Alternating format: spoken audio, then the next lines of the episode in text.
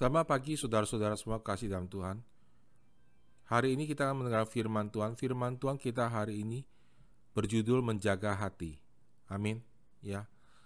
Amsal 4 ayat 22 sampai 23 mengatakan, "Jagalah hatimu dengan segala kewaspadaan, karena dari situlah terpancar kehidupan." Amin, saudara ya. Nah, saudara, uh, firman Tuhan mengatakan pada kita bahwa kita harus menjaga hati kita dengan segala kewaspadaan.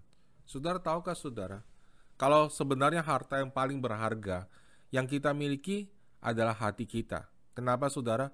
Karena Alkitab mengatakan bahwa dari situ terpancar kehidupan. Ketika Alkitab mengatakan terpancar kehidupan, maka maksud Alkitab adalah hidup yang kekal, hidup yang berkemenangan, hidup yang penuh dengan berkelimpahan saudara ya. Dan saya percaya saudara, semua orang Kristen saudara, kepingin hidup yang seperti itu. Amin saudara ya. Semua kita ingin hidup yang berkelimpahan.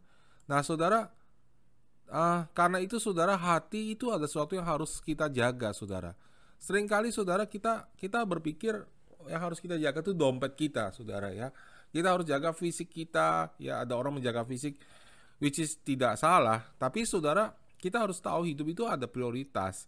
Dan yang paling penting kita jaga adalah tentang hati kita, saudara. Amin, saudara. Ya. Nah, saudara, firman Tuhan hari ini adalah kelanjutan daripada firman Tuhan uh, minggu lalu, ya, tentang bagaimana mendengar suara Tuhan. Saudara, ketika orang membaca orang membaca judul mendengar suara Tuhan, saudara ya, saya percaya banyak dari saudara akan berpikir saya akan langsung mengajarkan seperti apa suara Tuhan, bagaimana ya kita bisa tambah peka dengar suara Tuhan apa yang kita harus lakukan saudara ya. Tapi saudara saya mau kasih satu cerita yang menarik sekali sudah tentang khotbah Yesus di atas bukit. Amin. Nah saudara tahu nggak ketika Yesus khotbah di atas bukit itu dia baru aja selesai melakukan mujizat saudara yang banyak sekali. Karena itu saudara waktu Yesus naik ke bukit banyak orang berbondong-bondong mengikuti dia saudara. Kenapa saudara? Karena mereka berharap sewaktu mereka mengikuti dia, Saudara bisa bayangin nggak saudara? Saudara datang kepada Yesus setelah Yesus uh, khotbah, Yesus lakukan banyak mujizat, saudara. Setelah Yesus lakukan banyak mujizat, saudara, orang langsung berharap bahwa oh mereka akan datang kepada Yesus. Apa yang mereka harap dengarkan, saudara? Oh begini loh cara saya melakukan mujizat ya.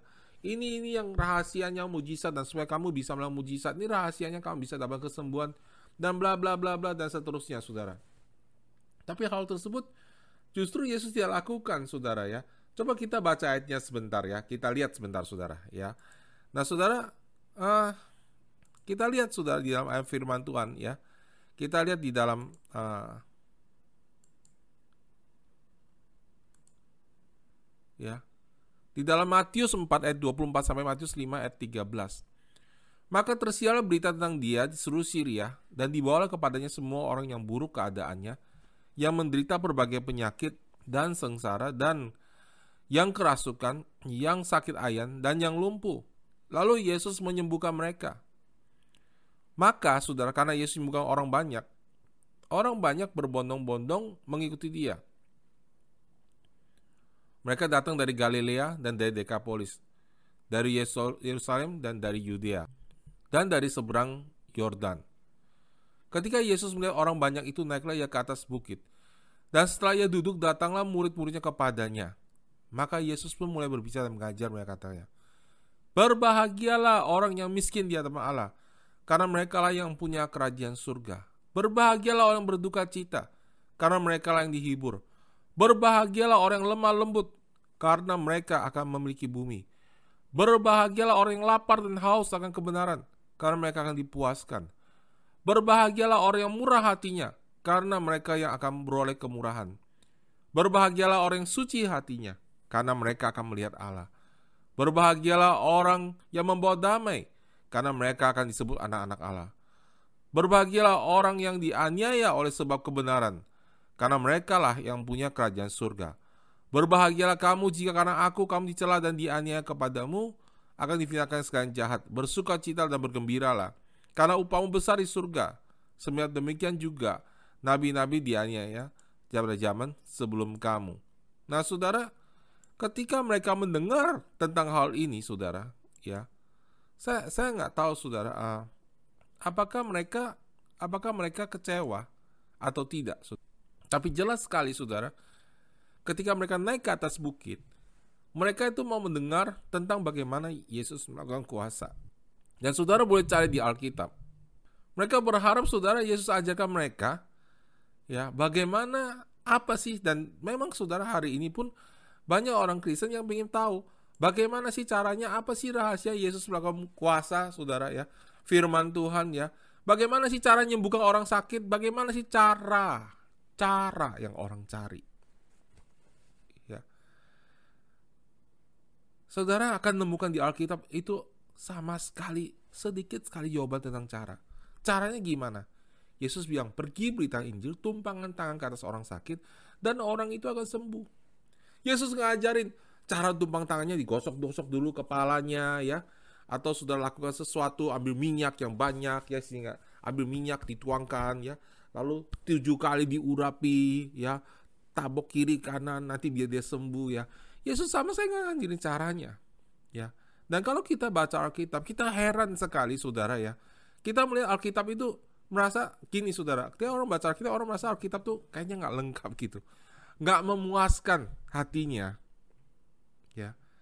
Kenapa saudara? Karena Yesus nggak ajarin cara mendoakan orang sakit dengan detail, nggak ada saudara. Ya.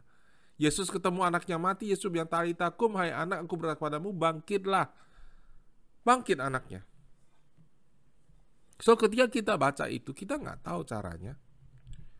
Lalu saudara manusia karena karena kepingin ya manusia itu pada dasarnya kepingin punya kuasa saudara. Kenapa? Karena kita itu diciptakan dengan rupa dan teladan Allah. Itu sebab kita suka nonton film Marvel Hero, Superman, ya, Spider-Man, ya.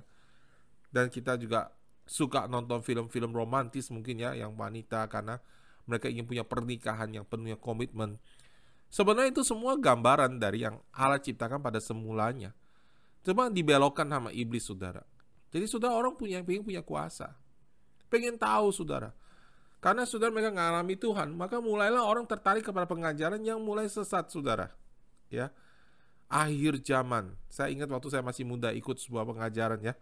Akhir zaman, Tuhan Yesus akan datang tanggal sekian jam sekian itu dia putar sedemikian rupa firman itu sampai kita merasa iya benar juga ya dia putar semuanya ya ada pengajaran juga waktu saya masih muda ikut untuk mendengarkan bagaimana bisa berbicara menginjilin arwah orang mati itu benar-benar sudah saya sudah ngalami saya ikutin saudara ya untungnya saudara yang menyelamatkan saya saudara waktu itu menolong saya adalah pertama saya itu baca Alkitab dan berdoa dengan setia kedua saya ikut sebuah gereja lokal setiap minggu saya harus kembali ke gereja lokal saya. Saya tetap melayani di sana, saudara.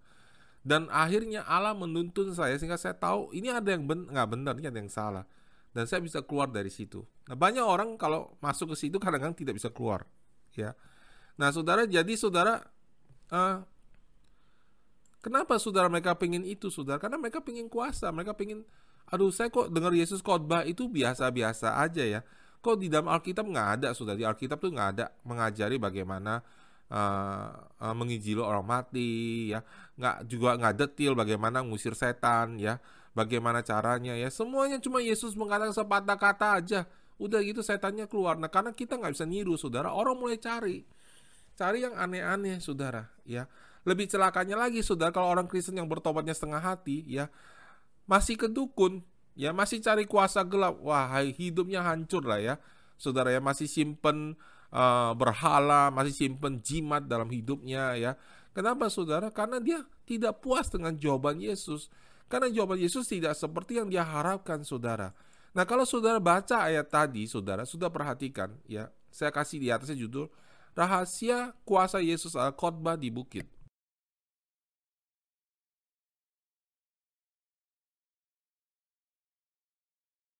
Banyak orang ketika baca ayat ini mereka tidak puas, saudara. Kenapa, saudara? Karena saudara dan banyak orang Kristen sedikit sekali yang menyinggung tentang ayat ini. Kenapa, saudara? Karena semua ayat ini itu bicara tentang hati, saudara. Dan manusia kadang tidak suka, saudara, membenarkan atau membereskan hati mereka. Rahasia kuasa Yesus adalah hati.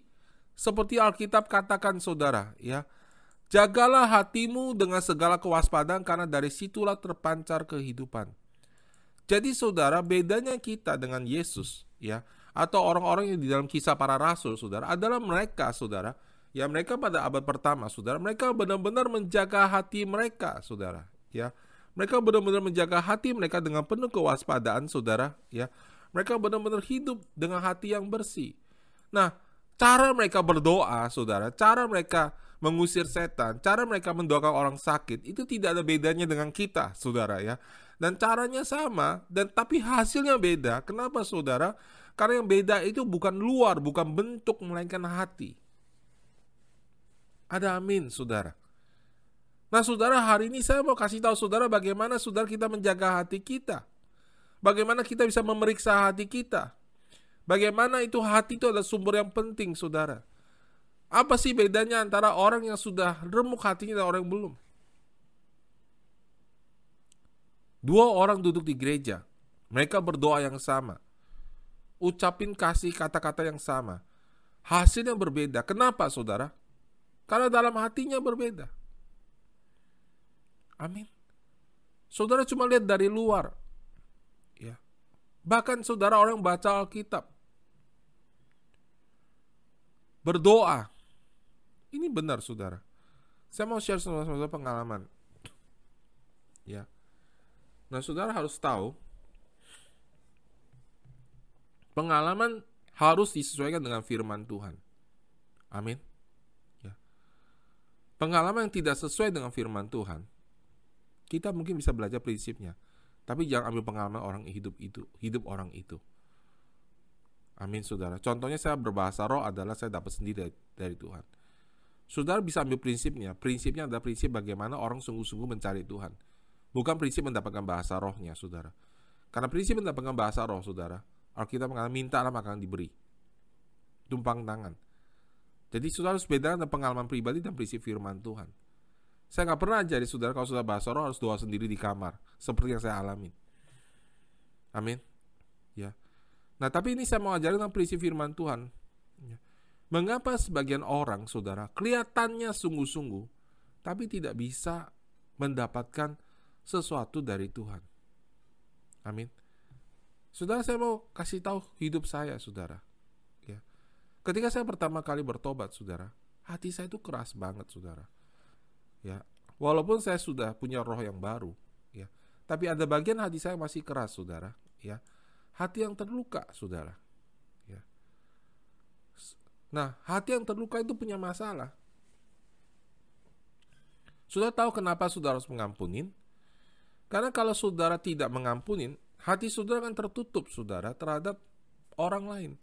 Misal saya punya pengalaman kurang baik gitu. Saya dulu bawa, pernah bisnis gagal, ditipu dan sebagainya, ya. Nah, akhirnya saudara, ketika saya masuk ke dalam rumah, ke dalam keluarga, pernikahan atau ke dalam rumah Tuhan, saya terus menjaga hati saya dengan cara saya menutup diri saya. Saya nggak mau punya teman dekat. Kenapa? Karena saya pernah dikecewakan, pernah ditipu oleh teman dekat. Ya. Nah, saudara, ketika kita tutup hati kita, saudara, kita juga tertutup pada kasihnya Allah. Amin.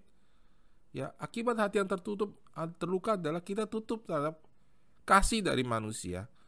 Tapi pada saat yang bersamaan, saudara, kita menutup diri kita dari kasih dari Allah. Karena hati saudara tuh nggak bisa kayak gini. Oke, saya terima kasih dari Allah, tidak terima kasih dari Allah manusia. Nggak mungkin. Nggak bisa begitu. Dan saudara lihat, di hatinya itu ada mata, saudara. Hati adalah mata rohani kita. Kalau tertutup semua, mata rohani sudah jadi gelap. Makanya saudara sekalipun saudara baca Alkitab, saudara nggak akan ngerti. Nggak ngerti-ngerti, saudara. Ini saya alamin, saudara. Waktu saya baru bertobat, saudara, ya, saya baru lahir baru, ya, hati saya memang disembuhkan, ya. Tadinya, saudara, ya, hati saya itu seperti batu, saudara, seperti batu, saudara. Nah, setelah lahir baru, wah, saya lebih lembut, tapi saya nggak tahu sebagian ini masih masih keras, saudara, masih tertutup terhadap kasihnya Allah. Saya nggak tahu, saudara. Saudara, kenapa hati itu penting? Karena hati itu ya adalah tempat kita menerima kasihnya Tuhan. Dan pengharapan tidak mengecewakan karena kasih Allah telah dicurahkan dalam hati kita oleh Roh Kudus yang dikaruniakan kepada kita. Roma 5 ayat 5, Saudara. Jadi pertama, Saudara, hati adalah tempat kita menerima kasihnya Tuhan. Kalau kita tidak bisa, tidak berani membuka hati kita terhadap orang lain, kita, orang-orang yang dekat sama kita, maksud saya, Saudara ya, sudah harus tahu ketika saya bicara kita membuka hati kita, itu saya nggak berbicara kepada semua orang, bukan itu saudara yang saya ngomong. Tapi maksud saya saudara membuka hati kita adalah kepada orang-orang punya komitmen dalam hidup kita, orang-orang yang kita percayai saudara. Amin. Ya, jadi pertama saudara, ya hati kita adalah tempat kita menerima kasihnya Allah. Ketika orang melukai kita, kita menutup hati kita terhadap orang itu. Kita tidak mau mengampunin kita menjaga hati kita dengan cara yang salah, saudara. Ya, sebenarnya hati kita luka, kebaret gitu. Ketika itu luka, saudara, kita nggak mau bawa itu ke tempat orang lain untuk dibuka. Kali dalamnya sudah bernanah. Nah kalau sudah bernanah itu harus dibuka kan, lebih sakit lagi. Dibuka, dibuang dulu bagian nananya, baru dikasih obat di situ, baru ditutup plester supaya sembuh. Nah apa yang dilakukan oleh orang kebanyakan? adalah ketika itu bernanah, saudara, mereka bukannya sembuhkan nanah itu, mereka langsung tempel plester, dikasih obat bius, ya, dikasih narkotik mungkin, ya, disuntik di situ supaya rasanya tidak sakit. Saudara, apa itu obat penahan sakit? Obat penahan sakit bukanlah obat untuk menyembuhkan kita.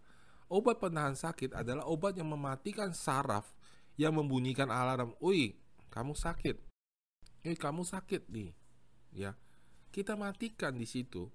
Sehingga kita sakit tapi kita nggak berasa sakit. Nah kemudian kita kita kemudian kita tuh jadi apa saudara? Kita jadi uh, terobsesi ya. Kita jadi ketagihan dengan obat itu ya. Kita uh, minum obat itu terus supaya sakitnya hilang. Tanpa sadar bahwa obat itu akibat akhir akhirnya membunuh kita kenapa saudara? Karena borok nananya itu makin besar dan kita tidak tahu boroknya itu makin besar dan kita merasa kita nggak sakit karena kita makan obat penahan sakit itu dan akhirnya matilah kita ya. Begitu juga dengan kondisi hati kita sama persis saudara ya. Kalau kita nggak menjaganya kita tidak memeriksanya saudara ya maka hidup kita akan makin hari makin keras Akhirnya saudara ya hati orang percaya pun bisa membatu lagi seperti ini saudara. Ya.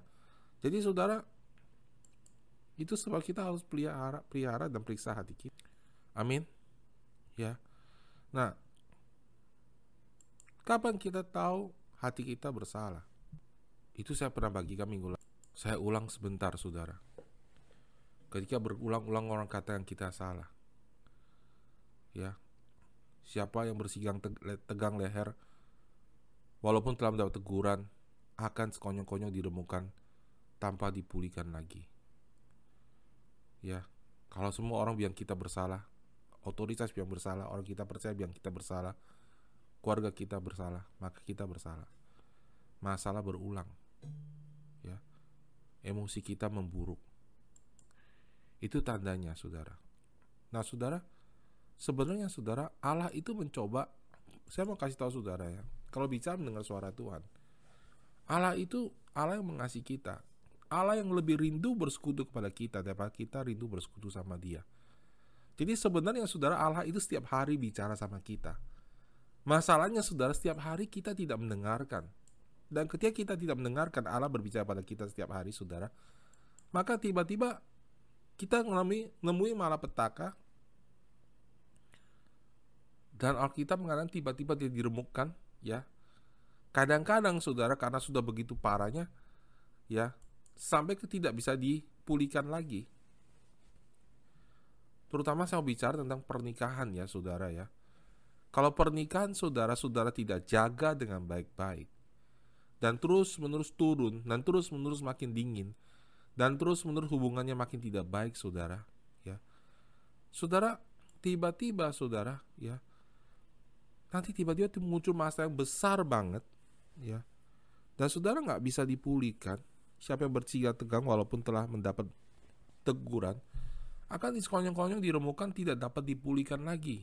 Amsal 29 ayat pertama. Jadi saudara, kita mesti rawat, mesti bijak, kita mesti jaga saudara. Ya, semua hal saudara termasuk pernikahan kita. Amin. Nah, sebenarnya Allah sudah menjadikan alarm dalam hati kita. Dan hari ini kita akan mempelajari alarm hati kita. Ya. Sebelumnya saudara, saya mau kasih tahu Amsal 21 ayat 2. Ya. Setiap orang adalah lurus menurut pandangannya sendiri, tetapi Tuhanlah yang menguji hati. Artinya begini saudara, ya. Semua orang menganggap dirinya itu benar. Oke. Tapi Tuhan yang uji hati, Tuhan yang menjadi hakim, hati kita itu benar atau tidak salah. Itu sebabnya saudara ada ayat saudara, ya, di Mazmur 139 ayat 20 sampai 24 mengatakan selidikilah aku ya Allah dan kenalilah hatiku. Ujilah aku dan kenallah pikiran-pikiranku. Lihatlah apakah jalanku serong dan tuntunlah aku di jalan yang kek. Ada yang bertanya, ya, apa Allah pernah uji kita? Yes, Allah menguji kita. Tapi bukankah Allah sudah tahu kita setia atau tidak? Bukankah Allah sudah kenal hati kita? Lalu buat apa Allah mengenal, menguji kita? Karena saudara, ya, hati kita sendiri, saudara, tidak mengenal kita.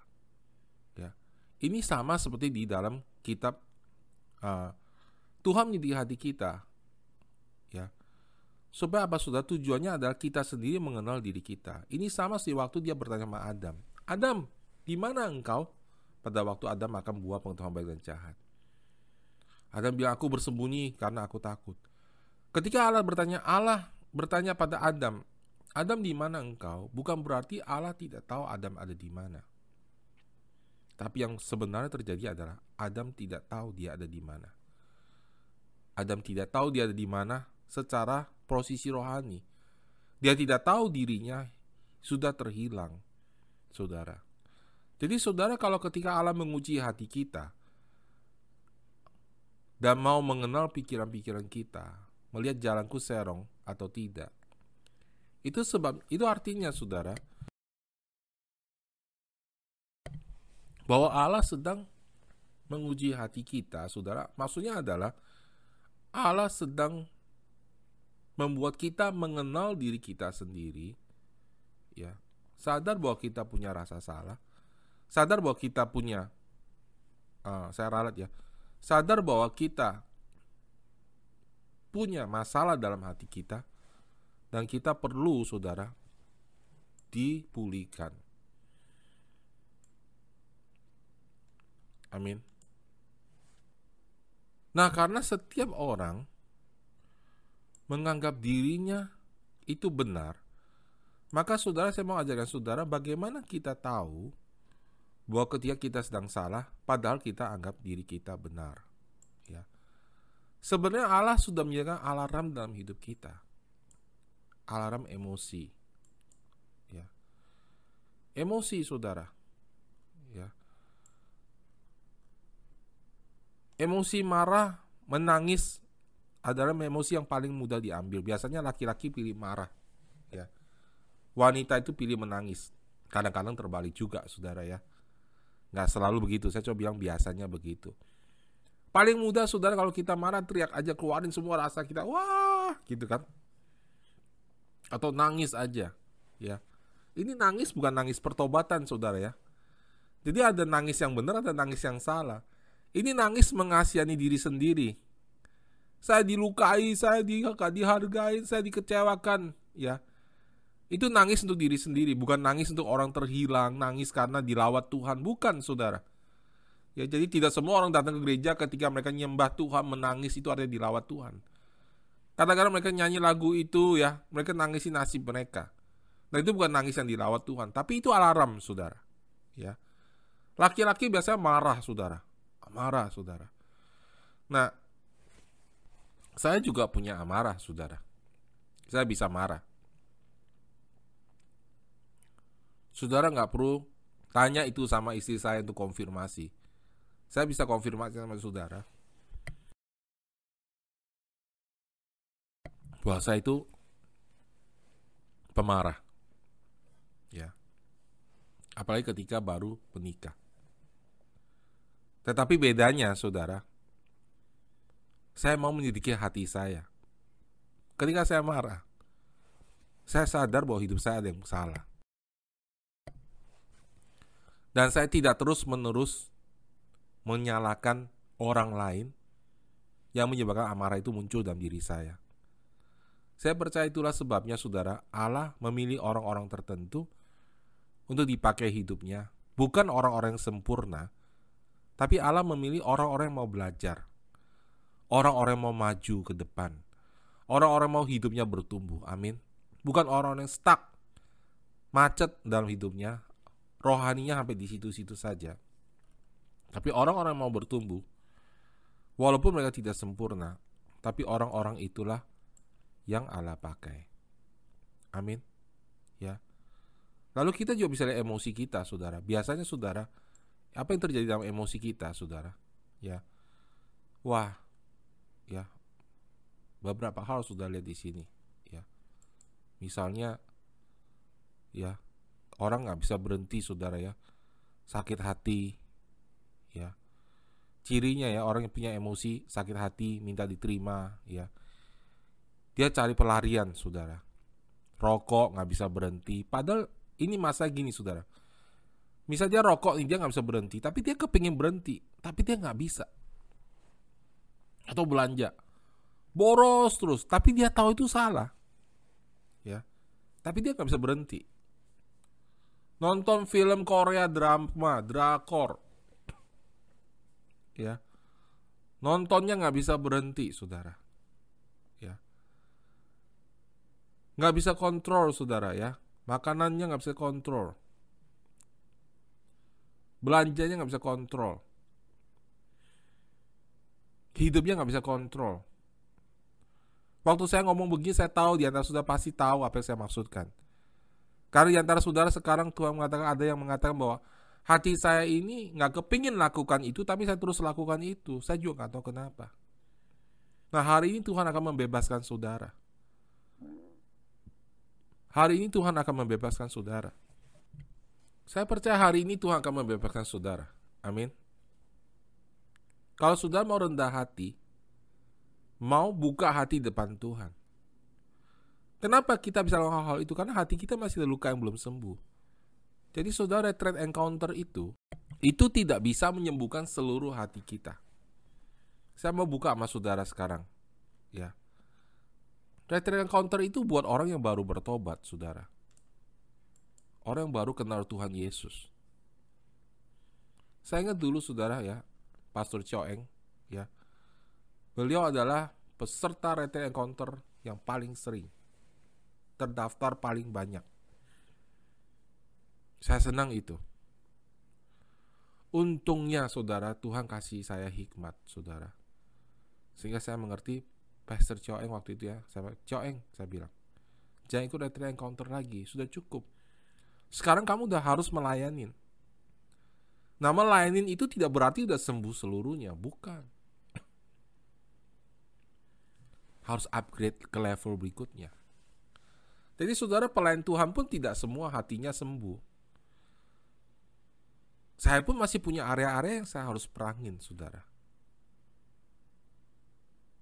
Amin. Ya. Hati saya pun belum seluruhnya, saudara, uh, dipulihkan. Hati saya pun masih perlu ada bagian-bagian yang perlu disembuhkan. Jadi saudara, pastor itu dan para pelayan dan para pemimpin itu bukan orang yang sempurna. Halo, Amin. Ya, saudara bisa lihat pertemuan Pastor Kid di YouTube kita ya. Bagaimana mereka ceritakan keluarga mereka, ya. Dan sudah lihat di situ ya. Mungkin kalau dia dibanding pasangan saya yang lain, mungkin pasangan saya wah lebih banyak gesekan saudara saya dan Busian, ya. Puji Tuhan murid-murid saya ajarkan taat pada firman Tuhan ya. Lebih baik saudara ya. Memang harus begitu, murid harus lebih baik. Tapi saudara bisa lihat di situ saudara ya.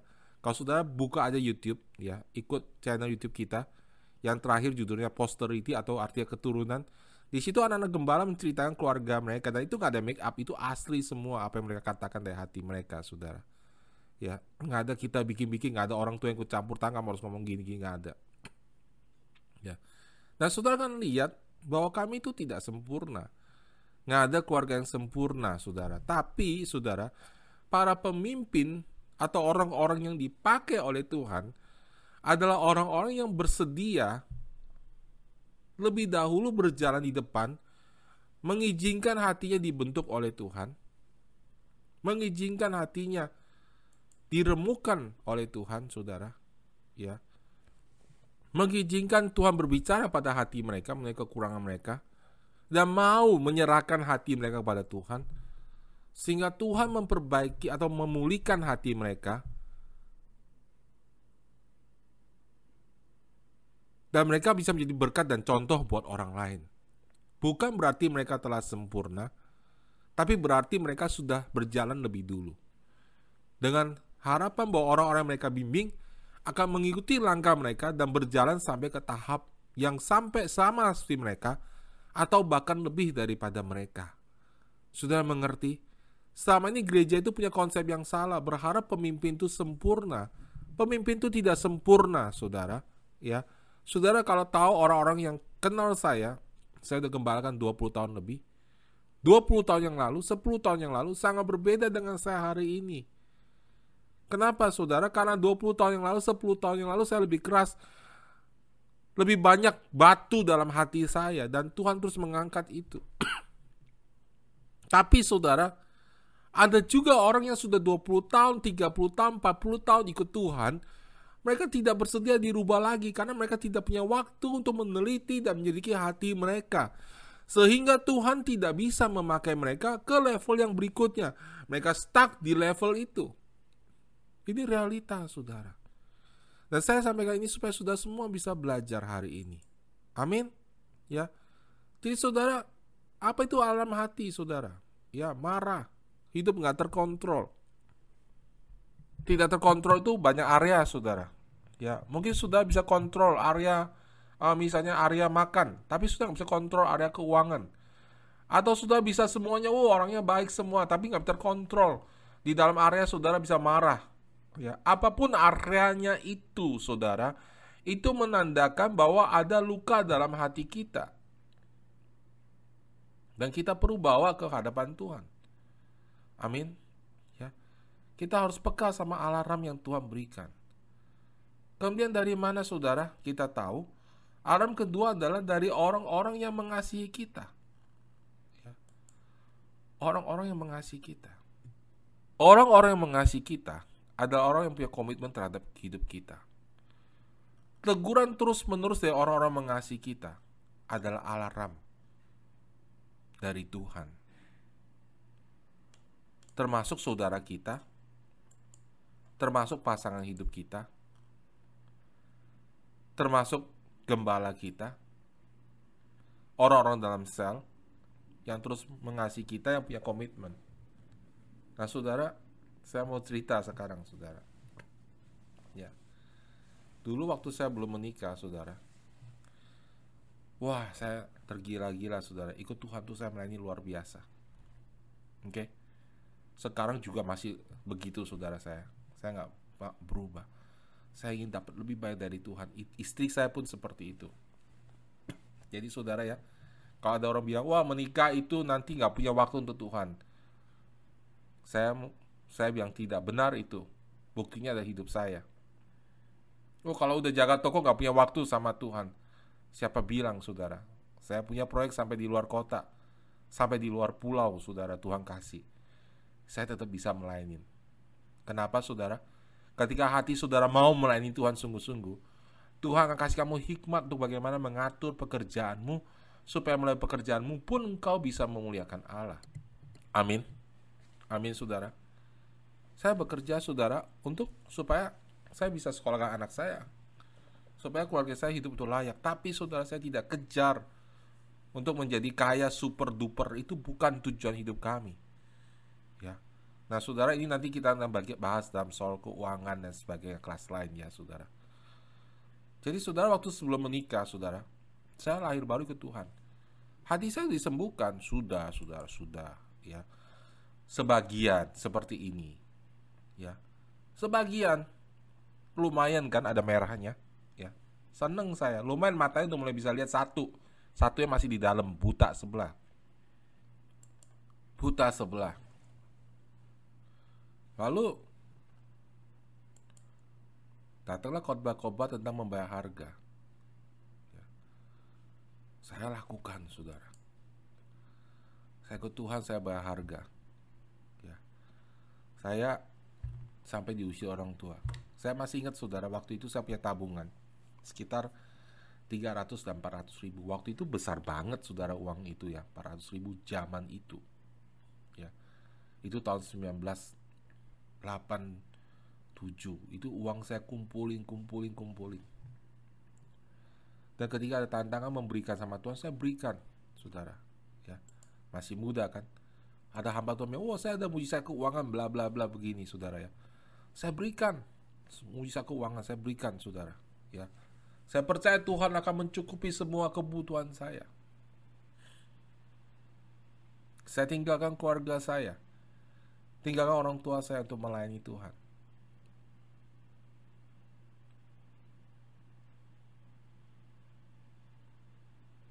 Tapi nggak ada jamahan Tuhan yang spesial turun. Nothing happen.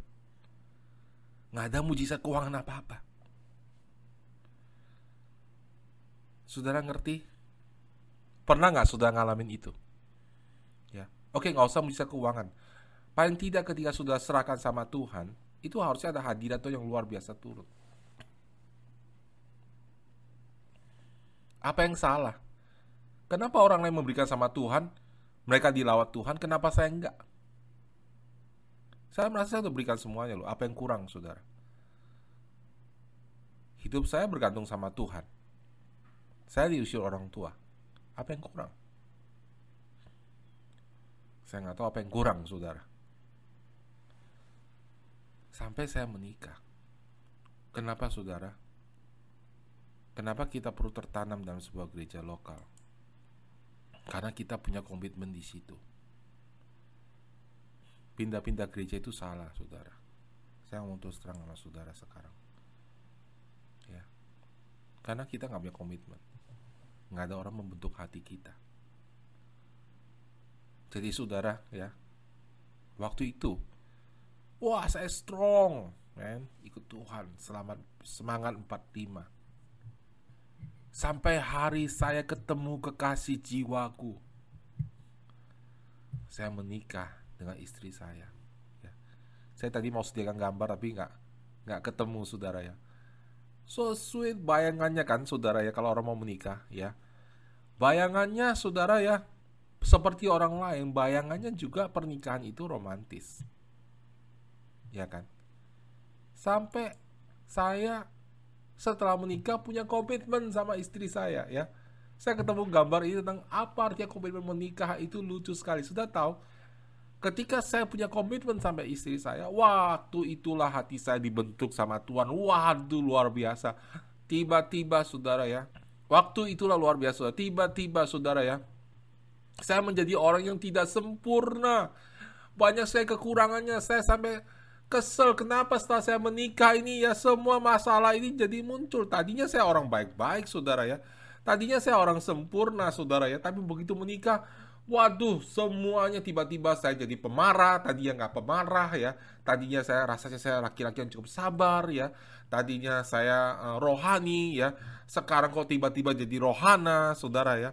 Dan semua itu salahnya si Hawa, saudara ya. Ya saudara terus saya dibentuk sama Tuhan Saudara tahu kenapa saudara sebelumnya saya tidak mengalami itu Walaupun saya udah kasih uang sama Tuhan Walaupun saya sudah mempersembahkan uh, uang atau mempersembahkan uh, uh, masa depan saya. Kenapa tahu saudara? Karena di keluarga saya, saya ada luka, ya saudara ya. Nah waktu saya mau meninggalkan keluarga saya, saya nggak memberikan sesuatu yang saya sudah nggak punya komitmen di sana, saya nggak memberikan sesuatu yang menyakitkan. Tapi ketika saya menikah, saudara, saya mulai komitmen dalam pernikahan saya. Saya punya komitmen dalam pernikahan saya. Ya. Dan saya mengasihi istri saya. Saya mengasihi Tuhan, saudara ya. Paling penting sudah mau menikah, soal pastikan pasangan sudah akan mengasihi Tuhan lebih dari semuanya. Jangan pikir pernikahan kami itu sempurna, nggak punya benturan. Oh, kami banyak sekali benturan, saudara ya. Dan kalau bukan karena Tuhan nomor satu dalam hidup kami, kami akan sama aja dengan orang dunia, saudara ya. Walaupun kami Kristen, tapi karena Tuhan nomor satu dalam hidup kami, saya nggak bisa tinggalkan istri saya. Amin. Wah, saya kasih gambar ini lucu banget. Saya kemarin lagi siapin khotbah, saya keluar gambar ini saya lucu sekali. Tapi pastikan saudara ini bukan pernikahan saya ya saudara ya. Tapi beberapa saudara seperti ini. Inilah pernikahan beberapa orang. saya lucu sekali lihat ini saudara ya. Komitmen, ya istrinya komitmen. Luar biasa, gak kasih suaminya lari diseret semua sampai luka-luka, luka batin. luka luar dalam. Ya. Komitmen saudara ya. Saya komitmen sama istri saya saya mau komitmen jadi suami yang baik. Saya tahu apa yang terjadi, saudara. Tuhan mulai bentuk hati saya. Loh, kok saya jadi jelek banget ya? Pemarah, nggak bisa mengendalikan diri. Ya, saya mulai selidiki hati saya, saudara. Ya, selidikilah aku, lihat batinku, apakah aku sungguh mengasihimu, Yesus. Mulailah saudara batu-batu dalam hidup saya dipecahkan. Orang yang saya kasihi, saudara, ya, mengecam hidup saya, mengkritik hidup saya. Tapi karena saya tahu firman, saya tidak, saya belajar untuk tidak balas menyerang dia, menyerang orang yang mengasihi saya. Tapi saudara, saya mulai cari sama Tuhan berpekara sama Tuhan, saudara. Ya. Langkah kesembuhan yang pertama, saudara, adalah saudara harus berpekara sama Tuhan. Amin. Kalau mau saudara sembuh, saudara harus berpekara sama Tuhan. Stop nyalakan orang lain. Ibrani 4 ayat 15 sampai 16 mengatakan, Sebab imam besar yang kita punya bukanlah imam besar yang tidak dapat turut merasakan kelemahan-kelemahan kita. Sebaliknya sama dengan kita. Ia telah dicobai, hanya tidak berbuat dosa. Sebab itu, marilah kita dengan penuh keberanian menghampiri tata kasih karunia, supaya kita menerima rahmat dan menerima kasih karunia untuk mendapat pertolongan kita pada waktunya. Saya lebih suka bahasa Inggrisnya.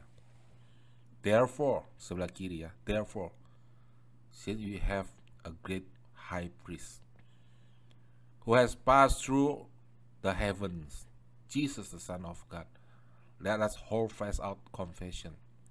For we do not have a high priest who cannot sympathize with our weaknesses, but one who has been tempted in all things as we are, yet without sin. Therefore, let us draw near with confidence to the throne of grace, so that we might find, we receive mercy and find grace to help in time of need. Apa itu saudara? Yang Alkitab katakan. Karena kita sekarang punya imam besar yang sudah melewati segala langit, saudara, dalam bahasa Inggris, melewati semua tingkat-tingkat surga. Sebab kita bukan punya imam besar yang tidak bisa mengerti atau merasakan kelemahan kita.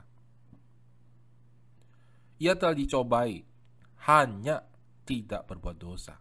Kita dicobai, kita juga diuji, hanya kita berbuat dosa. Kita jatuh ke dalam dosa. Sebab itu marilah kita dengan penuh keberanian menghadapi tata kasih karunia untuk menemukan kemurahan dan menemukan anugerah. Kenapa setelah kita berdosa, kita masih bisa menghadap tata kasih karunia. Saudara tahu bahwa Tuhan tidak menerima doa orang berdosa. Tapi kenapa ayat ini berbunyi begitu? Ya, dalam ayat 11 mengatakan, Maria kita berpegang teguh pada pengakuan iman kita. Apa maksudnya, saudara? Maksudnya adalah kita masih bisa berbuat dosa, tetapi kita tidak akan pernah kehilangan identitas kita sebagai orang benar. Kita tetap anak-anak Allah. Itu sebabnya Alkitab di Perjanjian Baru itu berbeda dengan Perjanjian Lama. Dan Perjanjian Lama ketika sudah bikin salah untuk sudah datang pada Allah, saudara harus mempersembahkan dulu kambing domba, darah. Saudara harus bereskan hati kita dulu. Harus hilang dulu dosanya. Tetapi di Perjanjian Baru, Allah memandang seluruh dosa kita sudah dihapuskan dan identitas kita tidak berubah.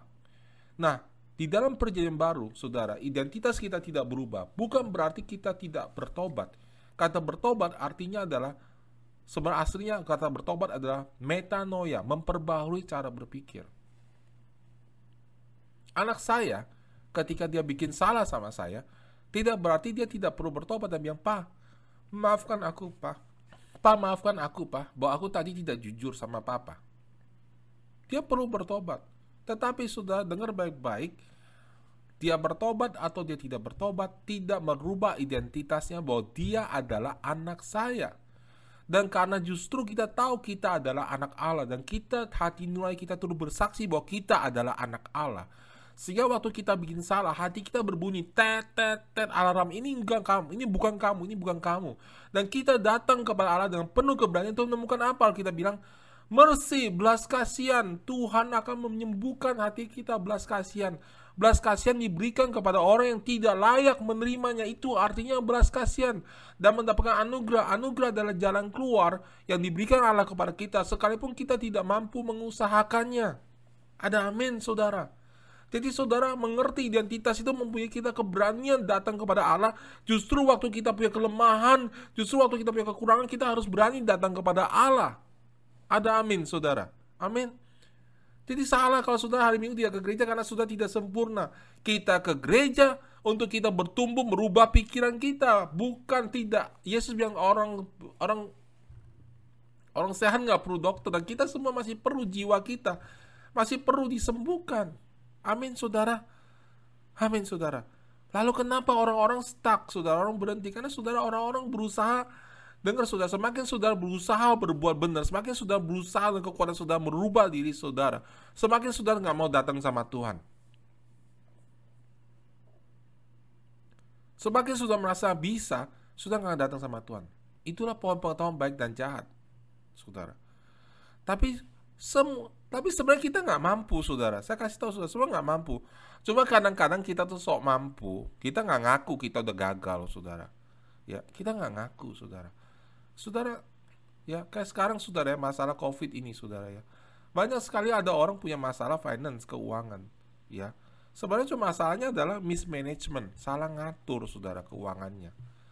Kalau enggak, saudara, dia nggak akan ngalamin uh, hal yang sama seperti orang yang belum percaya ya kan? Nah apa yang harus terjadi kalau itu terjadi saudara? Wah saya salah nih. Ya udah nggak usah salahkan orang lain nggak usah salahin tetangga salah situasi. Datang sama Tuhan yang Tuhan saya perlu anugerah nih. Saya mismanage memberikan saya hikmat saya bertobat Tuhan ajarin saya. Dan Tuhan mencurahkan anugerahnya. Dan waktu saudara datang dan berperkara sama Tuhan itulah saudara ya hati saudara jadi remuk saudara jadi hancur itu yang saya alami. Saya datang sama Tuhan. Tuhan, saya mengasihi sudah. Saya mengasihi anak saya. Saya mengasihi istri saya. Saya nggak mau begini terus Tuhan. Saya mengasihi jemaat saya. Jemaat saya akan menderita kalau saya gembalanya seperti itu. Saya tidak berubah. Tuhan ini tidak seperti ada karakter dalam hidup saya yang tidak seperti Alkitab katakan Tuhan. Dan Tuhan saya perlu Tuhan. Kau merubah karakter hidup saya Tuhan. Tolong saya Tuhan. Berikan saya anugerah Berikan saya belas kasihan. Jadi saudara, kunci pertamanya kalau alarm itu berbunyi, saudara harus tahu. Jangan dicuekin. Sebodoh.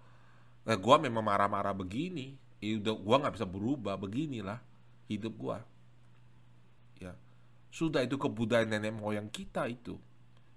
Kalau ngomong suaranya mesti keras. Biarpun anak terluka, suaranya mesti keras.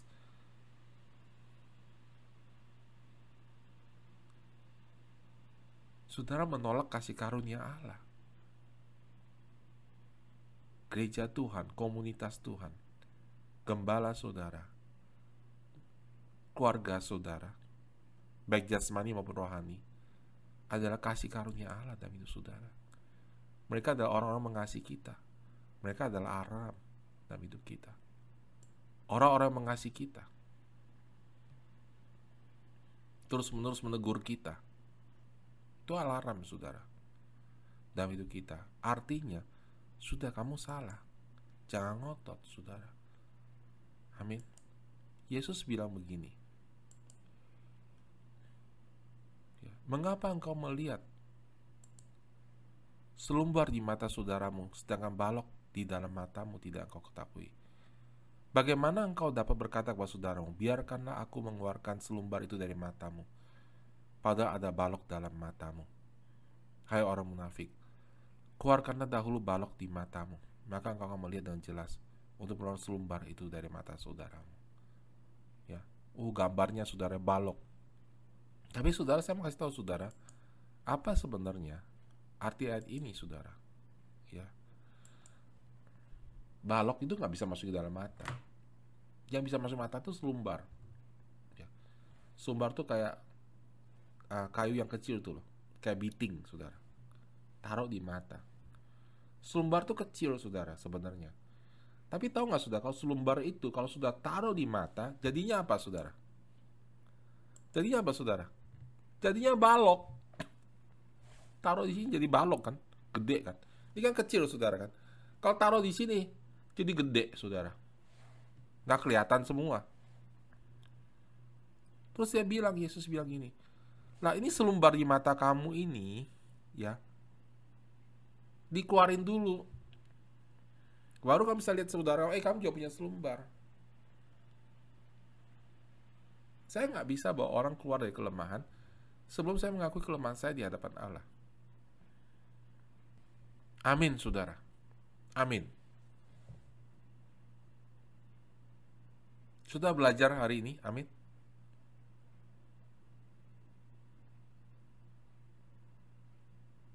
Banyak orang cuekin hidup dia. Anak sudah berantakan, keuangan berantakan, pasangan berantakan, orang tua dia berantakan, hubungannya dengan dia, dia cuekin. Jalan terus.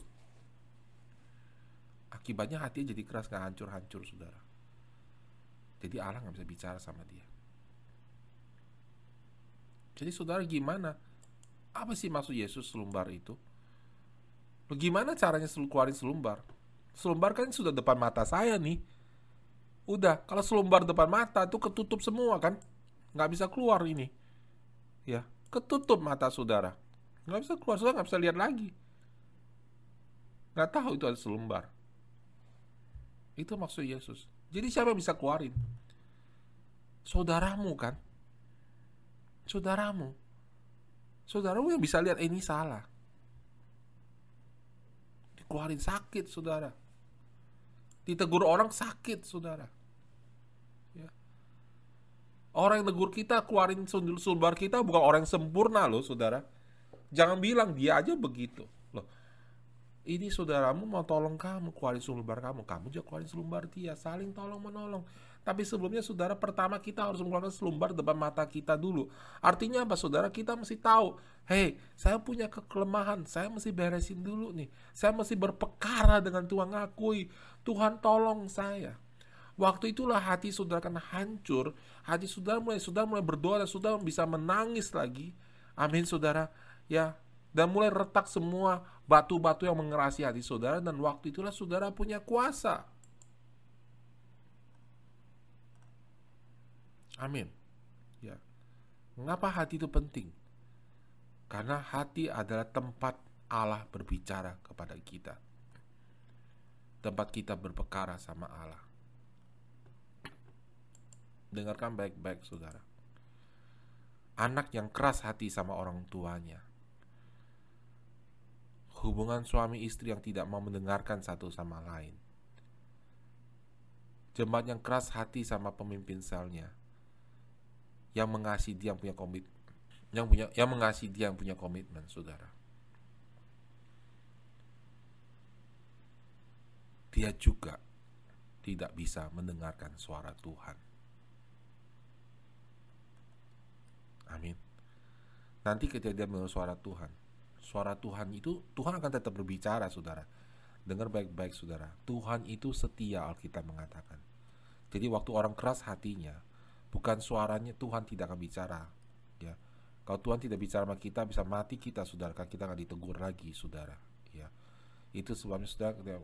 Adam binasa, Adam mengalami hidup kematian yang kekal karena Tuhan berhenti bicara sama dia, berhenti persekutuannya dengan dia kita punya hidup kekal, Tuhan akan terus berbicara pada kita, saudara.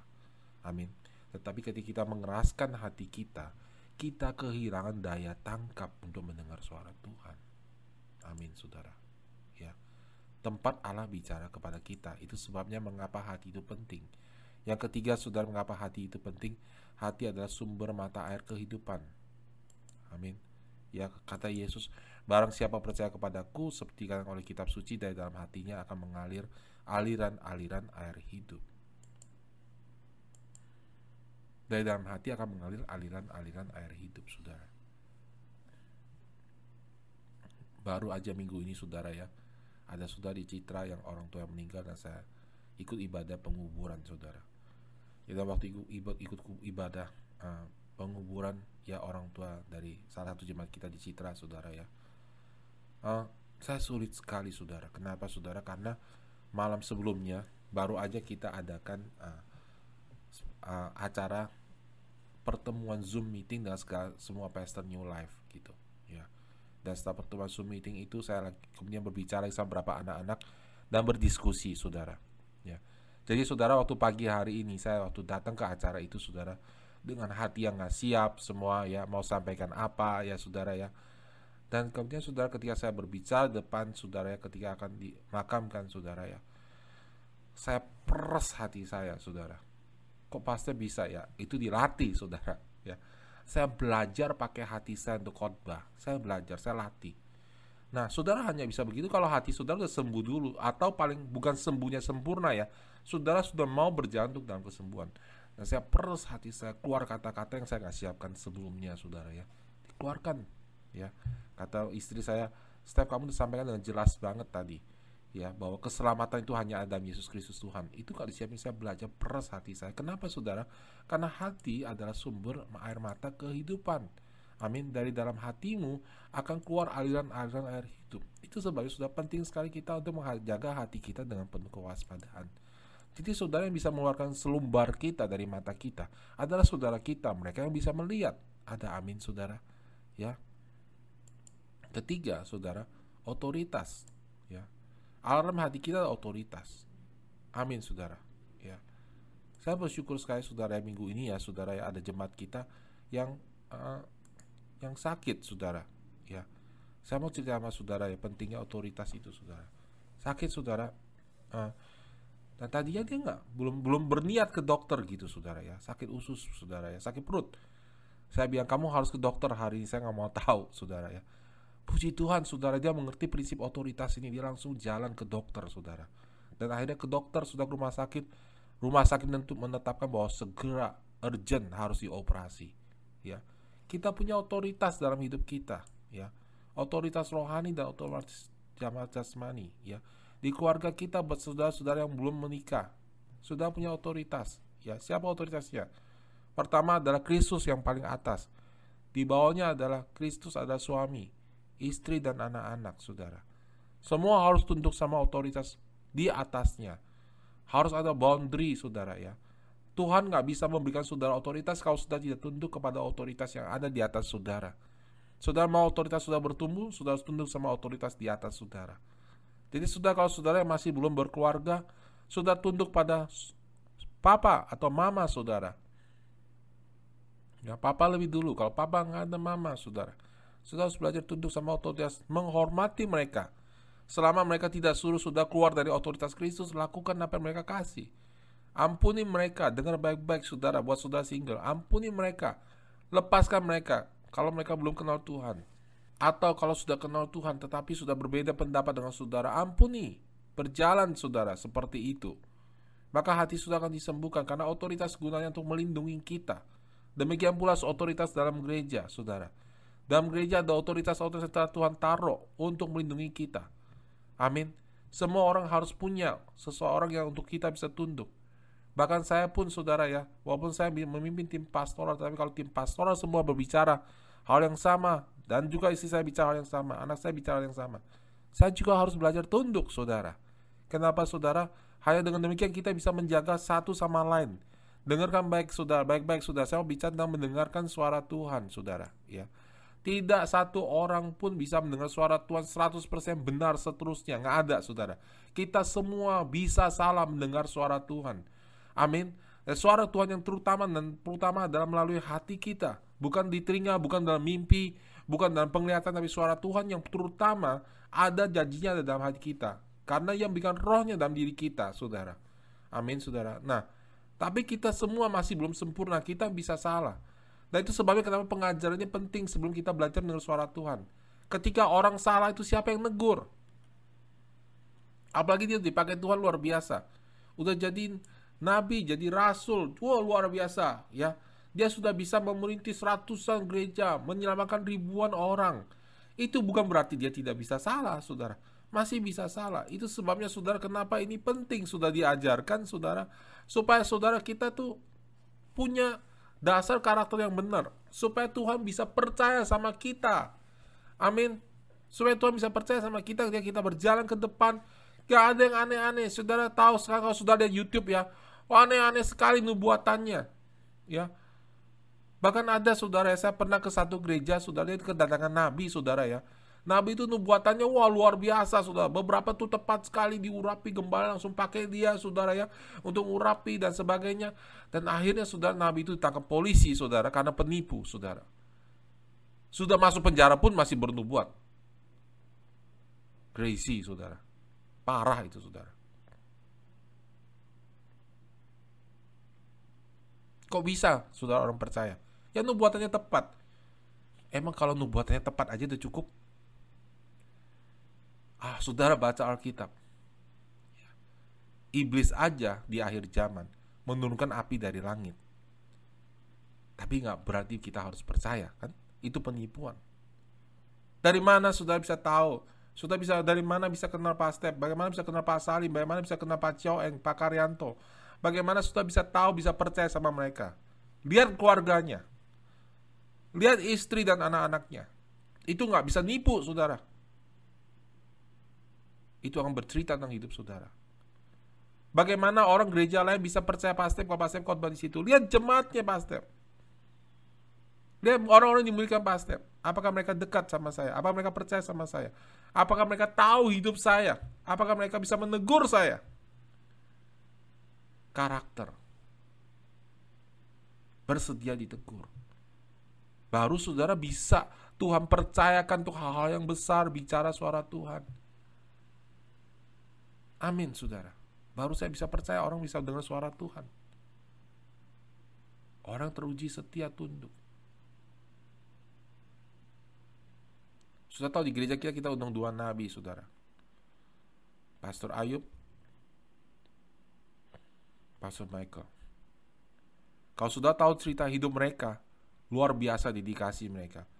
Luar biasa komitmen mereka sama gereja lokal, luar biasa tunduknya sama gereja lokal. Itu sebabnya kita saya percaya bisa ngundang mereka. You have to be under somebody. To be upon somebody. Sudah harus dibawa orang lain supaya sudah bisa di atas orang lain. Suami-suami mau mimpin keluarganya, mau istrinya tunduk, dengar baik-baik suami-suami. Engkau harus takut akan Tuhan. Sekalipun istri saya harus tunduk sama saya, anak saya harus tunduk saya, saya tidak boleh dan tidak bisa keluar dari firman Tuhan. Nah, firman Tuhan mengatakan sama suami-suami, sama saya, saya harus tertanam dalam gereja. Saya harus melayani. Saya harus baca Alkitab. Saya harus berdoa. Saya juga harus terbuka hati saya untuk ditegur. Sama seperti anak saya terbuka hati untuk ditegur. Nggak beda, saudara. Amin, saudara. Ini kalau khotbah makin lama nih panasnya belakangan nih saudara ya. Kalau di internet ini saudara ya. Kalau di online ini khotbahnya panasnya belakangan saudara. Ya. Otoritas. Alarm udah berbunyi saudara. Nah, paling terakhir saudara, saya rindu di gereja yang ngomong wow gitu ya. Kalau biasa terakhir wow. Tapi ini penting banget saudara. Sekali terakhir saudara ini ini bermutu saudara. Lakukanlah pengakuan iman akan identitas saudara, akan kebenaran. Ampuni diri saudara sendiri. Amin. Ketika sudah ada firman kadang kita mulai sadar, oh kita lalu banyak kesalahan, kebodohan di masa lalu. Ampuni diri saudara sendiri. Tuhan terima kasih engkau sudah mengampuni aku. Terima kasih Tuhan engkau sudah menerima aku. Ampuni diri saudara sendiri. Amin saudara ya. Kemudian langkah berikutnya saudara, uh, ampuni diri saudara sendiri, ya. Yang sudah lalu berlalu, sudah harus lepaskan, nggak bisa kembali, ya. Dan kemudian saudara, um, jangan berhenti hidup dipimpin oleh roh. Wah kecewa nih sama diri sendiri nih. Udah saya nggak mau melangkah sama Tuhan. Belajar terus hidup dipimpin oleh roh. Dan yang paling penting, saudara, kalau bisa, saudara, cari orang bisa dipercaya. Ya. Dosa-dosa tertentu, saudara, kita perlu bantuan orang. Nah, orang bisa dipercaya. Orang paling bisa dipercaya adalah pemimpin saudara, saudara. Kalau sudah tidak bisa percaya, sudah datang kepada uh, tim pastoral. Dan kalau ngasih nggak bisa, sudah datang pada gembala. Ceritakan pada orang yang bisa dipercaya. Ceritakan aja. Kenapa, saudara? Jangan takut, mereka tidak akan membocorkan rahasia saudara. Ya, membocorkan dalam arti tidak akan kasih tahu orang lain, oh dia bikin dosa sekian sekian enggak, saudara. Tapi sudah tahu ketika kita Alkitab bilang kamu saling mengaku supaya kamu sembuh. Jadi saudara, kalau kita mengaku, kita jadi sembuh hati kita. Amin.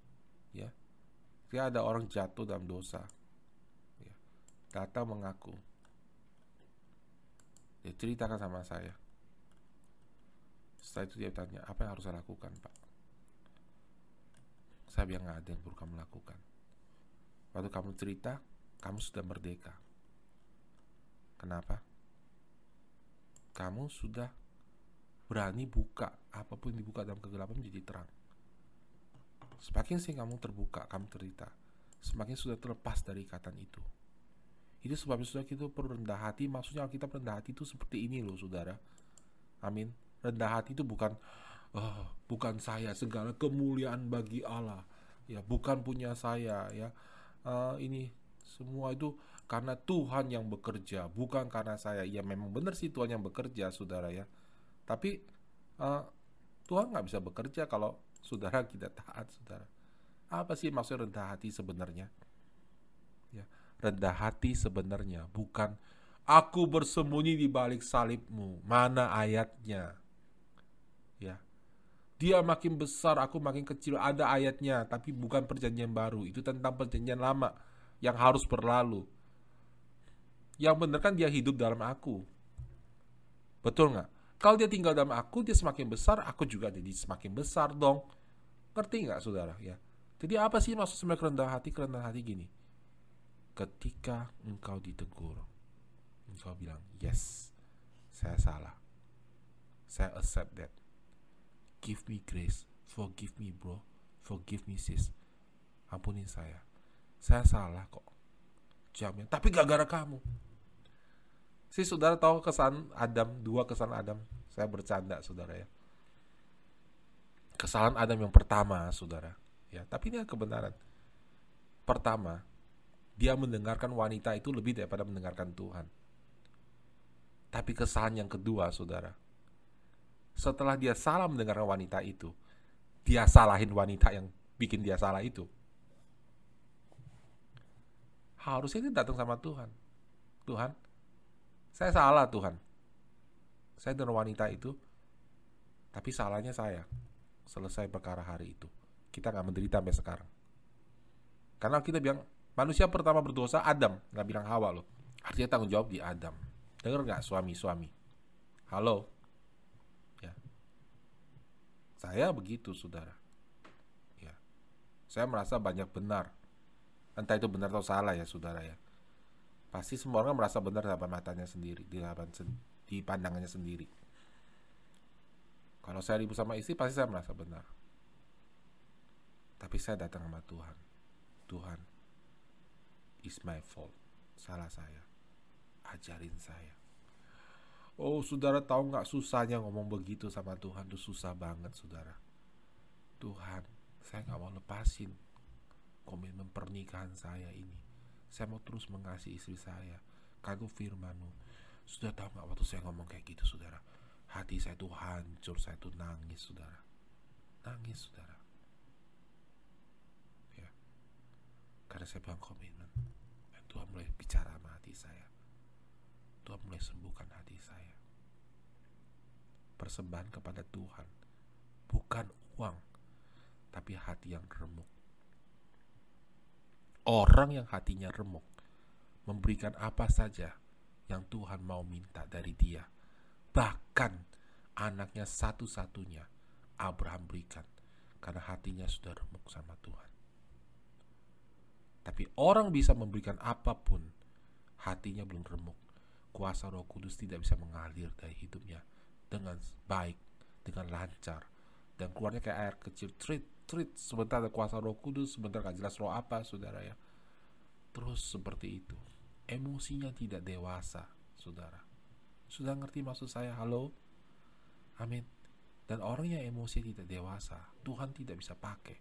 Sedikit tersinggung, sedikit marah, sedikit aduh, minder. Tapi kita semua mesti lewatin itu, saya juga lewatin itu. Tapi pernahkah sudah berperkara sama Tuhan bilang, Oh, something is wrong with me. Atau saya menikah, saudara. Tahun demi tahun saya belajar. Apalagi setelah punya anak tambah lagi saudara masalah. Apalagi anak saya udah besar tambah sekali masalah. Kemudian saya belajar Tuhan speak to me. Bicara sama aku. Ujilah hatiku apakah aku mengasihi engkau Tuhan? Selidiki aku ujilah aku. Supaya aku bisa lihat kemuliaanmu Tuhan. Itu bukan bicara mengenai keselamatan masuk tidak masuk ke surga. Itu bicara Tuhan aku mau hatiku sembuh. Supaya aku boleh mengenal Engkau. Sama seperti Engkau telah mengenal aku seperti kata Paulus mari kita berdoa saudara Mari kita tundukkan kepala dan mari kita berdoa. Bapa di surga saat ini roh kudus, kau bekerja. Apa yang aku sampaikan terbatas, tapi firmamu tidak terbatas. Pekerjaan roh kudus tidak dibatasi oleh tempat, oleh kehadiran orang. Tapi engkau telah hadir dalam setiap anak-anakmu ada di sini.